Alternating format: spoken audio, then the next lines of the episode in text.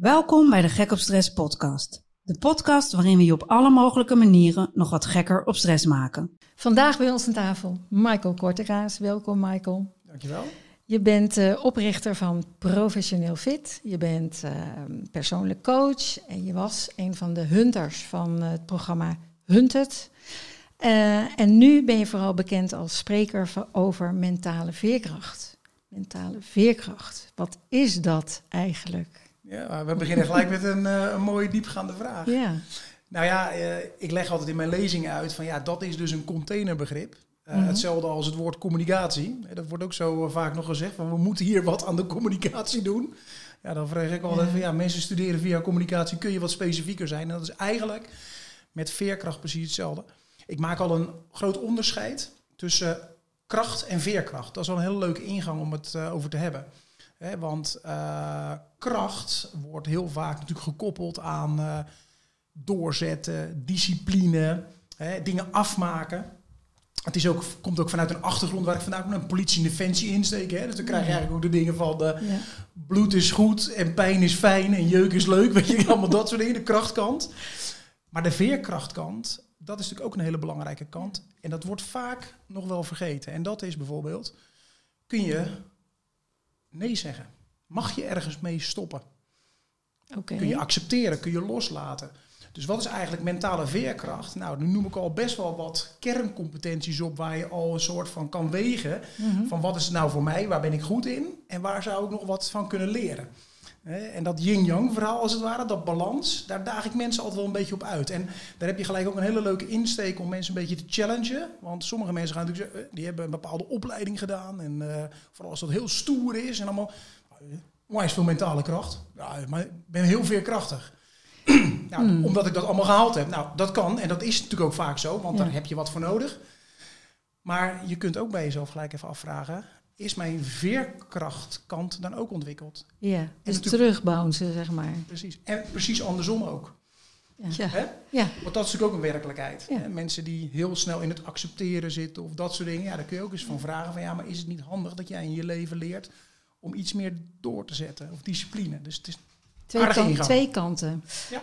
Wat misschien nog wel aardig is om te noemen, is dat ik werk veel voor de politie. Ja. En daar kent iedereen natuurlijk het programma Mentale Kracht. En jij vertelde mm. laatst, joh, ik ben een van de grondleggers daarvan. Mm. Waarom was dat nodig bij de politie? Nou, kijk, even de nuance. Een van de grondleggers. Uh, ik heb zeker aan die wieg gestaan met de uitrol van dat programma. Er zijn mensen... Ik was toen al even weg op de politieacademie. Daar heb ik lang uh, gewerkt. Ik heb 12,5 jaar voor politie en defensie gewerkt. En uh, dat programma werd eigenlijk opgezet... Naar aanleiding van een onderzoek. En dat onderzoek werd gedaan door de toenmalig minister Opstelten. En die vroeg toen eigenlijk van hoe is het nou met de politiemensen gesteld in Nederland? Nou, in een lang verhaal kort, dat was niet zo goed. Kom beter. Ja, dat komt beter, ja. Eén op de vijf mensen, toen hè, in 2010, 2009, 2010 werd dat onderzoek uitgevoerd. Één op de vijf politiemensen kampte met lichte tot zware PTSS. Zo. Burn-out, bore-out klachten, depressie. En hij vroeg toen aan die locatie Ossendrecht, aan dat team, um, kunnen jullie een programma ontwikkelen waarin wij die weerbaarheid van die politiemensen gaan vergroten? En daar heb je, dat is inderdaad spot on, uh, Suzanne, want daar is het grootste programma ooit, durf ik echt te zeggen, uitgerold, wat in Nederland heeft gedraaid. Want alle 65.000 mensen, politiemensen, zijn uiteindelijk getraind drie, vier, vijf dagen, een beetje afhankelijk van hun functie, van hun uh, operatie waar ze in zitten of administratief. En uh, om je een idee te geven, dat programma draait nu nog. I know. Hey, en vertel eens aan, aan de luisteraars, de kijkers, wat is de belangrijkste boodschap die je mensen daar meegeeft in die paar dagen? Hey, kun je een aantal pijlers noemen? Ja, zeker. Kijk, wij hebben een, uh, er is een toolbox gecreëerd die uitgerold is. En uh, die toolbox, kijk, het was echt heel erg uh, eerst gericht op de uitvoering van de politietaak. En hij snijdt eigenlijk heel erg aan de vraag van wat is nou mentale veerkracht van je eerst. Dat is eigenlijk heel leuk. Want um, het werd uitgerold om de politietaak beter te kunnen uitvoeren. Dus op je werk. Alleen al heel er zat een toolbox in waar bijvoorbeeld wij mensen leerden om doelen te stellen, de juiste doelen. Visualisatie, uh, aandachtscontrole, gedachtecontrole. Wij leren een actie-reflectiemodel aan. Dus eigenlijk reflecteren op gevoel. Dat was compleet nieuw. Hè. Daar waren we mensen bijna, eh, eh, ah, nou ja, bijna niet, de amateur. Hè, van leer eens Ja. naar je gevoel of luister eens naar je gevoel, geef eens een gevoel. Nou, ehm, daar leerden wij hem dus aan om deze tools in te zetten. En daar was als bijvangst dat wij heel snel in die programma's hoorden, "Ja, dit is ook voor thuis. Dit kan je in je hele leven gebruiken. Mhm. En waar dat toen eigenlijk, eh hey, het is voor je beroep en je kan het thuis ook heel goed eh, gebruiken, is er in de afgelopen jaren, en dat is dus die krachtkant, is het ook een beetje naar voren gekomen als van, nou, dat mentale kracht heb je ook nodig om hele zware dingen in je leven te doen. En dat komt natuurlijk ook omdat er veel is uitgekomen vanuit die speciale eenheden. Ja. En met programma's als Kamp voor Koningsbrugge en Special Forces VIPs, hè, dat heel erg die kant ook eh, belicht Ja, wordt. die krachtkant. Die Ja. krachtkant. En begrijp me goed, die mensen weten ook als geen ander hoe die veerkrachtkant erin zit. Maar ja, de tendens is wel, als jij eh, op televisie en je ziet mensen ja, eh, dan maar zonder slaap, ja, dan word je natuurlijk wel getoetst op die krachtkant als het ware. Ja. En eh, daar is ook wel weer een, een grappig verloop in gekomen. Ik moet een beetje denken aan dat je zei. ik mocht laatst een lezing bijwonen. Te veel mensen denken dat ze aan het performen zijn, maar ze zijn enkel aan het survivalen. Ze gaan alleen maar hard. Ja, dat is een uitspraak die ik vaak gebruik inderdaad, eh, Suzanne. En die, eh, die hakt er ook soms wel eens in. En sterker nog, over dat actie-reflectiemodel gesproken. Dat is vaak een opmerking, zeg ik dan, waar wat sensitiviteit voor nodig is. Dus dan vraag ik mensen, ga dat eens voelen. Want als je daar goed over nadenkt, mensen hebben dat helemaal niet door. En dat is eigenlijk natuurlijk ook Maar de wat kern. moeten ze voelen dan? Nou, als ik zeg van ehm, te veel mensen denken dat ze aan het performen zijn, maar ze zijn eigenlijk aan het survivalen, dan kan dat ook heel snel afgedaan worden als ja, maar iedereen is wel eens een beetje prikkelbaar. Of ja, iedereen eh, die heeft een beetje stress in zijn leven. Dat hoort erbij. Ja, dat snap ik. Maar is dat nou 80% van je dag? Of is dat 20% van je dag? Oftewel, sta je 80% in de performance stand en 20% in survival? Ja. Of is dat andersom? En dat leren voelen op een dag, van hoeveel en hoe vaak ben ik nou echt een soort van aan mijn dag aan het overleven. En dus heel reactief en constant met mini-crisisjes bezig. En word ik zelf geïrriteerd. En denk ik aan het einde van de dag, alles weer gelukt, weet je wel. Maar dat stresssysteem heeft natuurlijk zo gestaan. Dus, dus eigenlijk dat, dat, dat survivalen, dat is eh, dat je steeds op je top zit, in die kracht eigenlijk. En dat je te weinig naar de, de andere kant toe... Ja, ja. Ja we- eh, ik gebruik daar vaak het woord voor. De acceleratievalkuil. Ja. Dus je gaat eigenlijk Steeds steeds, wat meer doen. En, wat, Ja. en dat gebeurt voor het individu. Ja. Maar dat zie ik ook in teams en organisaties hoor. Steeds even meer de schouders Ja, eronder. Steeds even meer vragen. En je gaat steeds meer van jezelf vragen. Dat is ook. Je houdt de zaag ook niet meer scherp. Nou, dat is Je natuurlijk. slijt als een dolle. nee, je, je, je slijt en je houdt dat niet vol.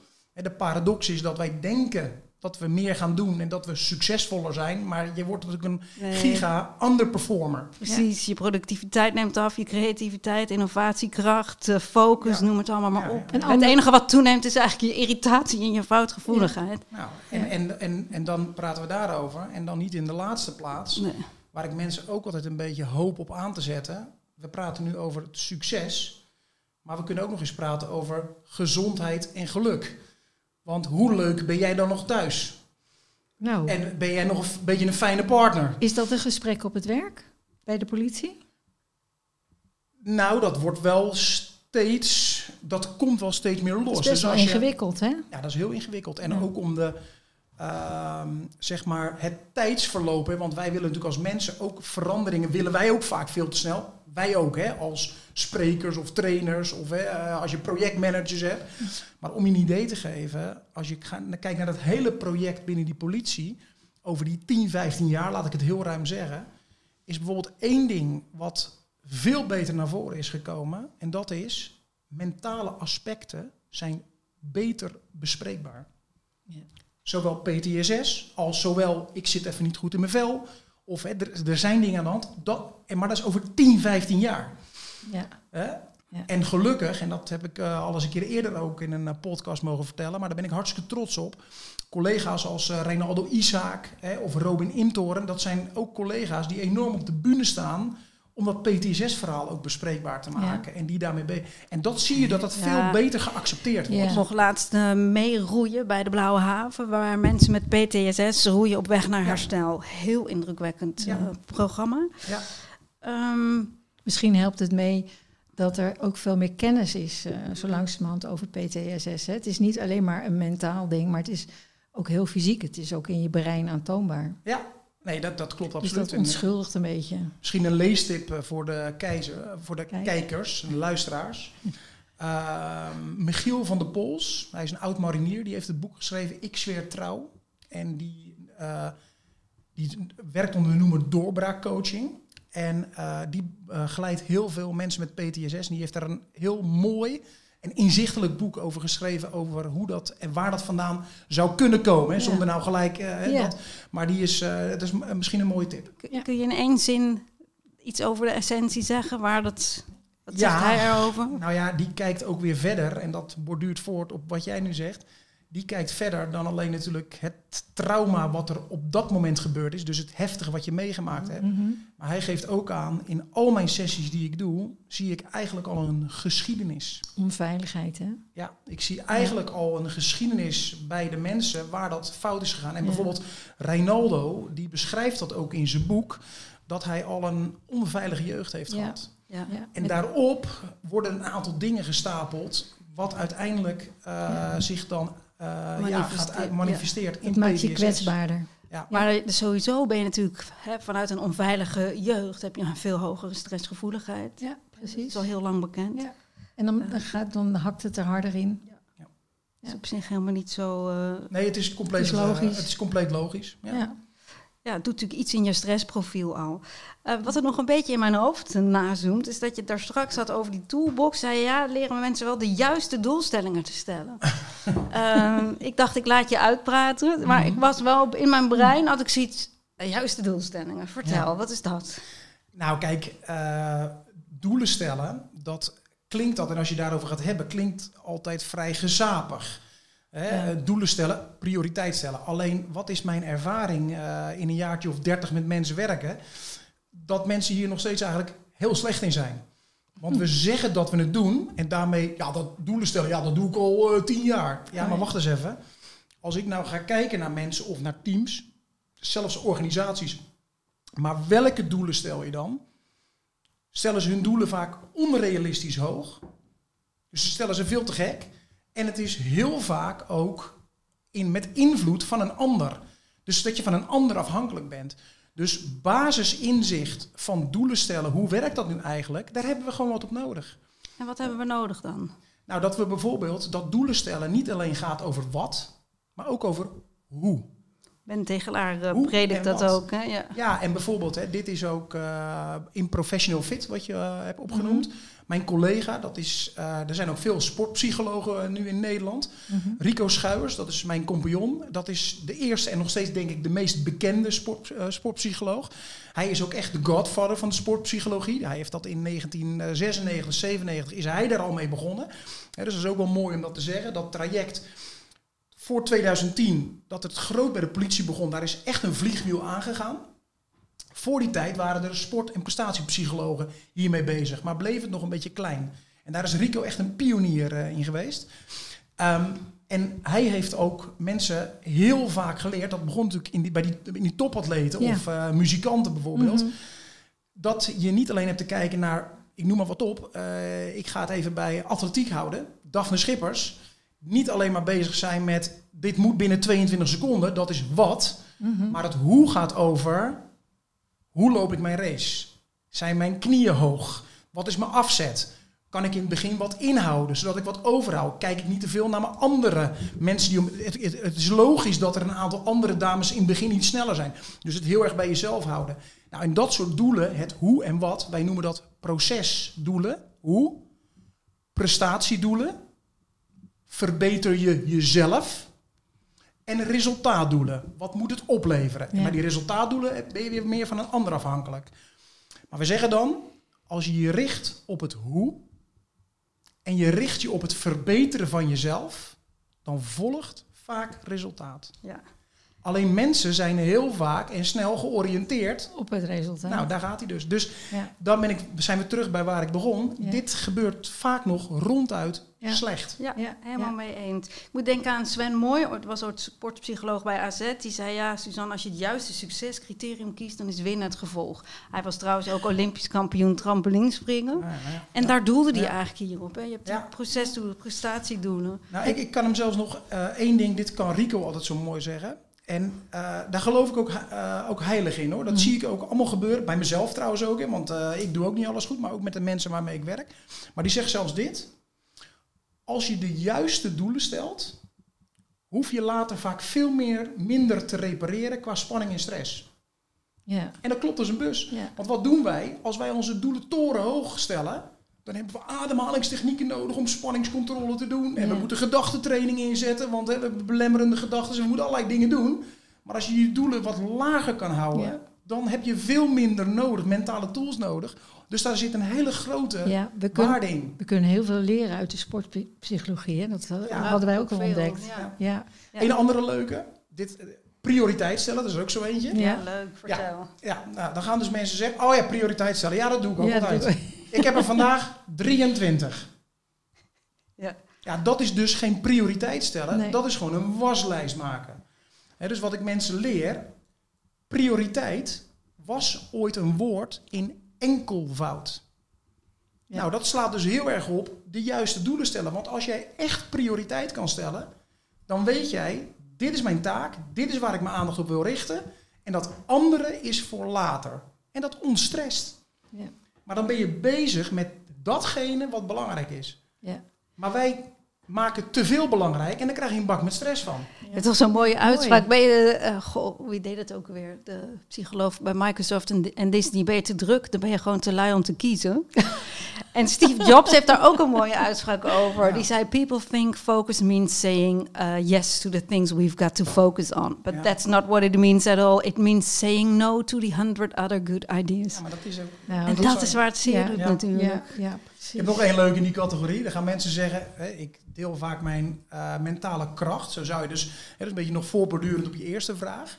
Wat is nou mentale veerkracht? Het is nog meer dan dat, maar in mijn lezingen geef ik vaak aan, ik leer mensen beter presteren onder druk. Dat is een groot thema. Omgaan met verandering, teleurstelling, tegenslag, een tweede grote pijler. En ik leer mensen wat over hoe kun je nou beter volhouden, oftewel gedragsverandering. Nou, dat zijn drie grote. Hè? Heb je inzicht. Er is natuurlijk meer, maar dat zijn drie grote richtingen. Nou, Maar nu komt hij.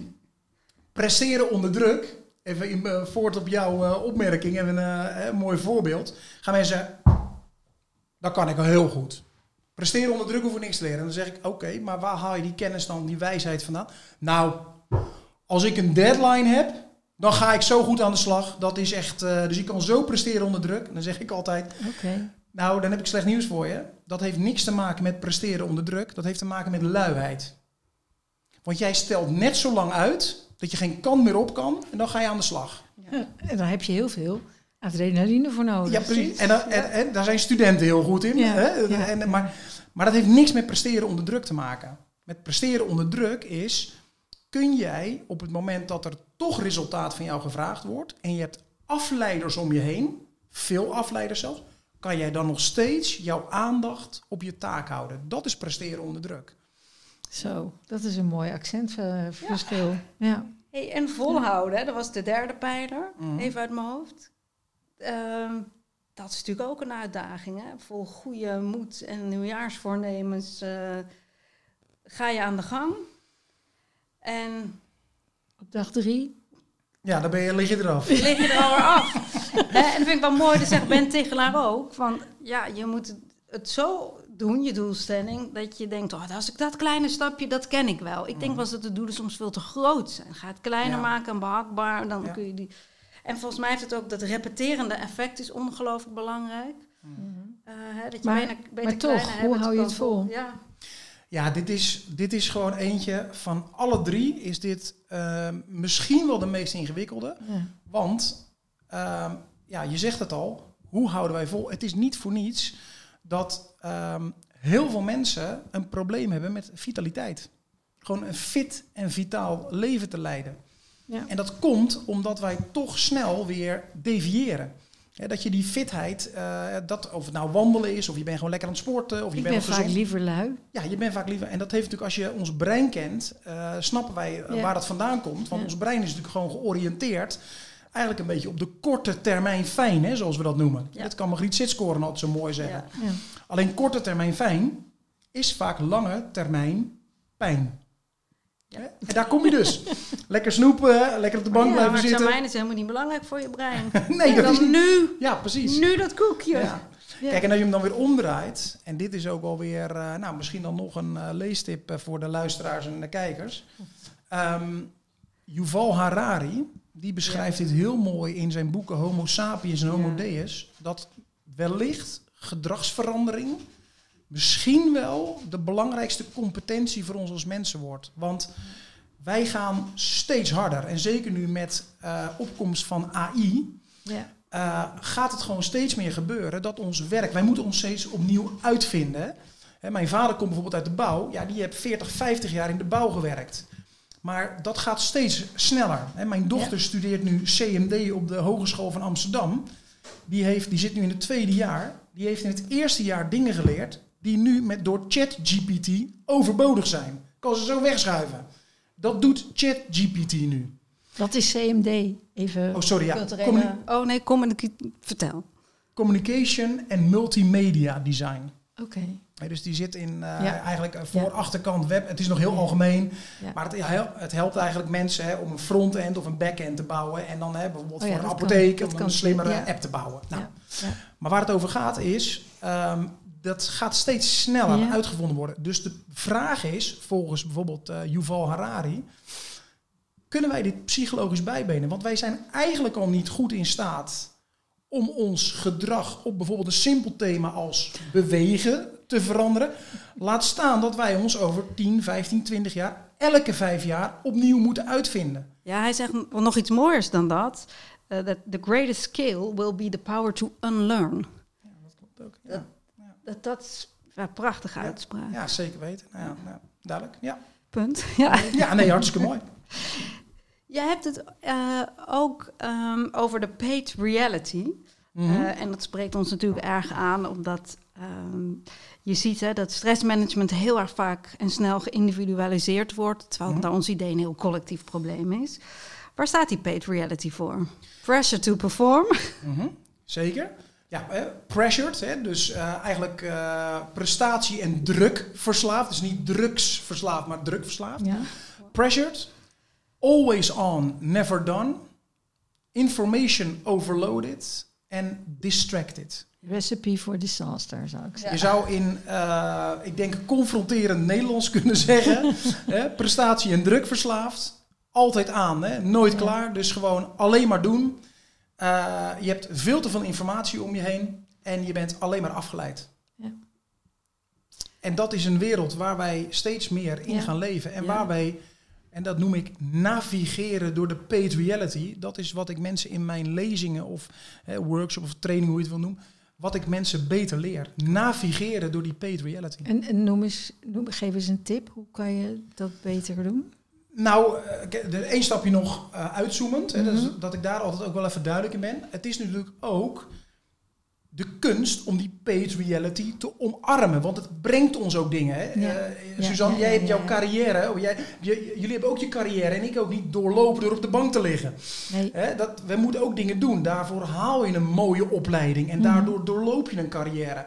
Dus het is de kunst om hem ook te omarmen, want dat brengt ons dingen en in beweging. En stress is hè, gek op stress. Nou, het Ja. doen. Ja.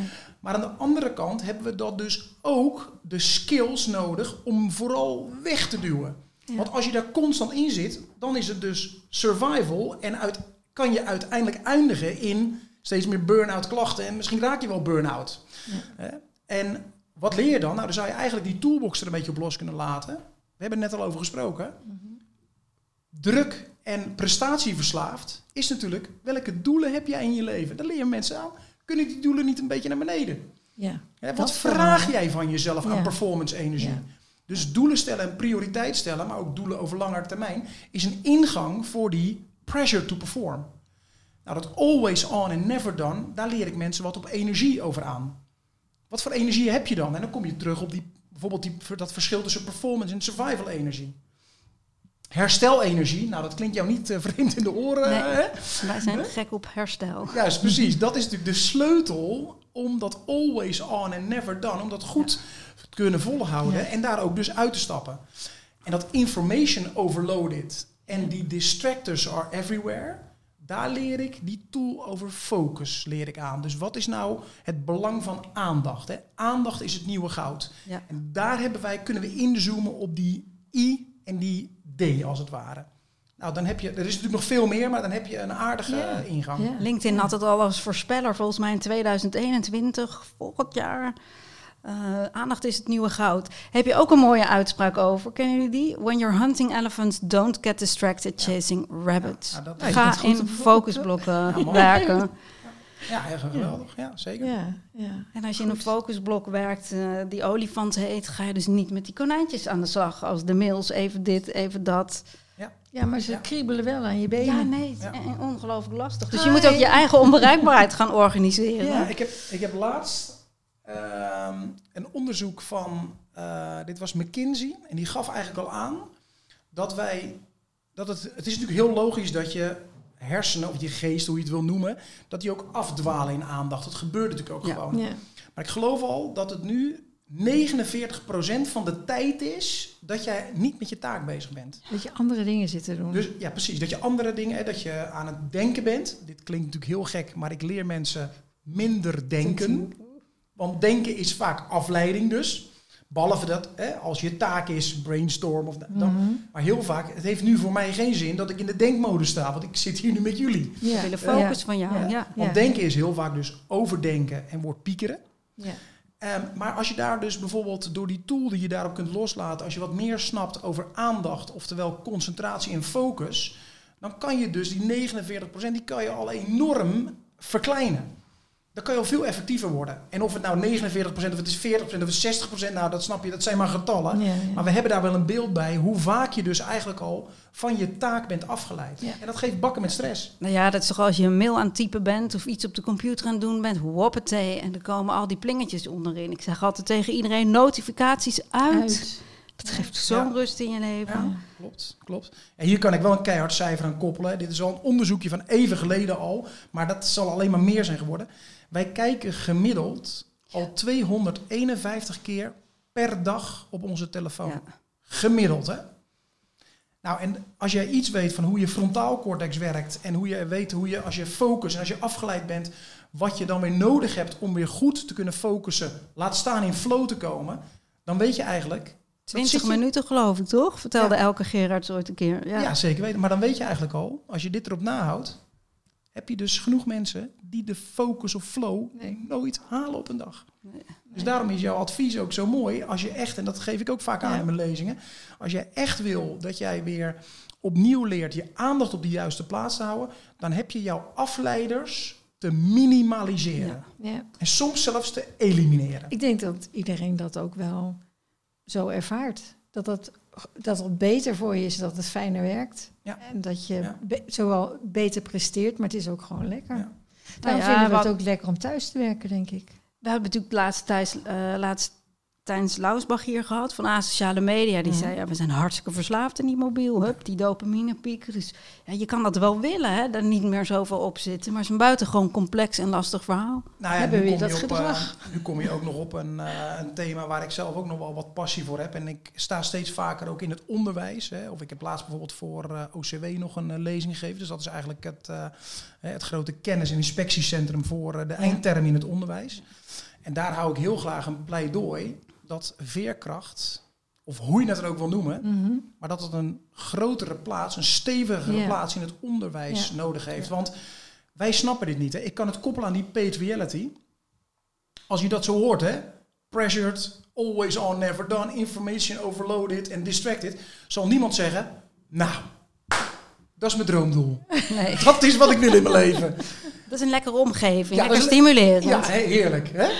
Maar ehm 80% van mijn mensen waar ik voor spreek, zitten er middenin. En dat is wat jij opnoemt en wat Thijs heel zo mooi, zo mooi uitlegt.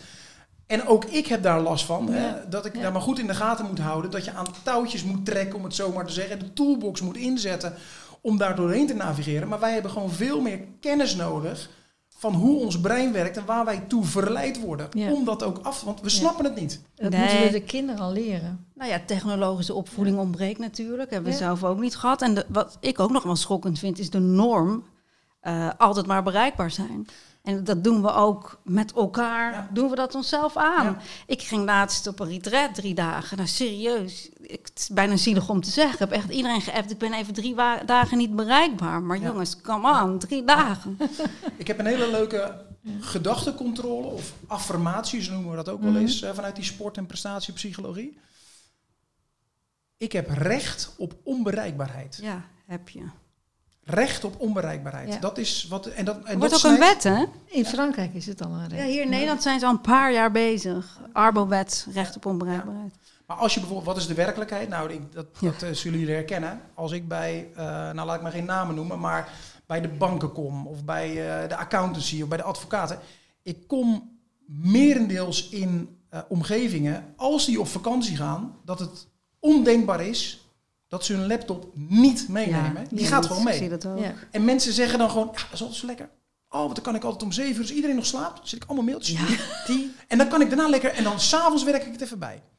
En dan overdag heb ik dan vakantie. Dus nooit af. Ja, je kan nog erger horen. Ja. Mensen die helemaal het veld, een bepaalde berg in moeten rijden. En wat daar is wifi.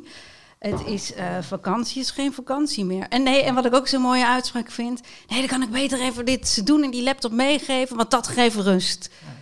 Ja, zo kan ik nog heel veel excuses en escapes ja. verzinnen om maar aan de gang te blijven. Het is allemaal performance en survival. Ja, maar ook dat, je, rust. dat je denkt dat je zo belangrijk bent. Ook interessant en zo onmisbaar. Ja, ja. ja. fascinerend. Nou, wauw. Volgens mij, uh, ja. Hebben we heel veel, zijn we wel te weten gekomen. over stress en performance. Uh, ongelooflijk veel dank. Ja, het gesprek stopt dat ineens zo. Uh, onze tijd zit er een beetje op. Michael, ongelooflijk bedankt dat jij uh, voor alle, was, alle, alle inzichten. Ja, nou, ja. jullie bedankt voor de uitnodiging en voor het enthousiasme. En ja, hartstikke leuk om hier te zijn. Dankjewel. Graag gedaan. Tot de volgende keer.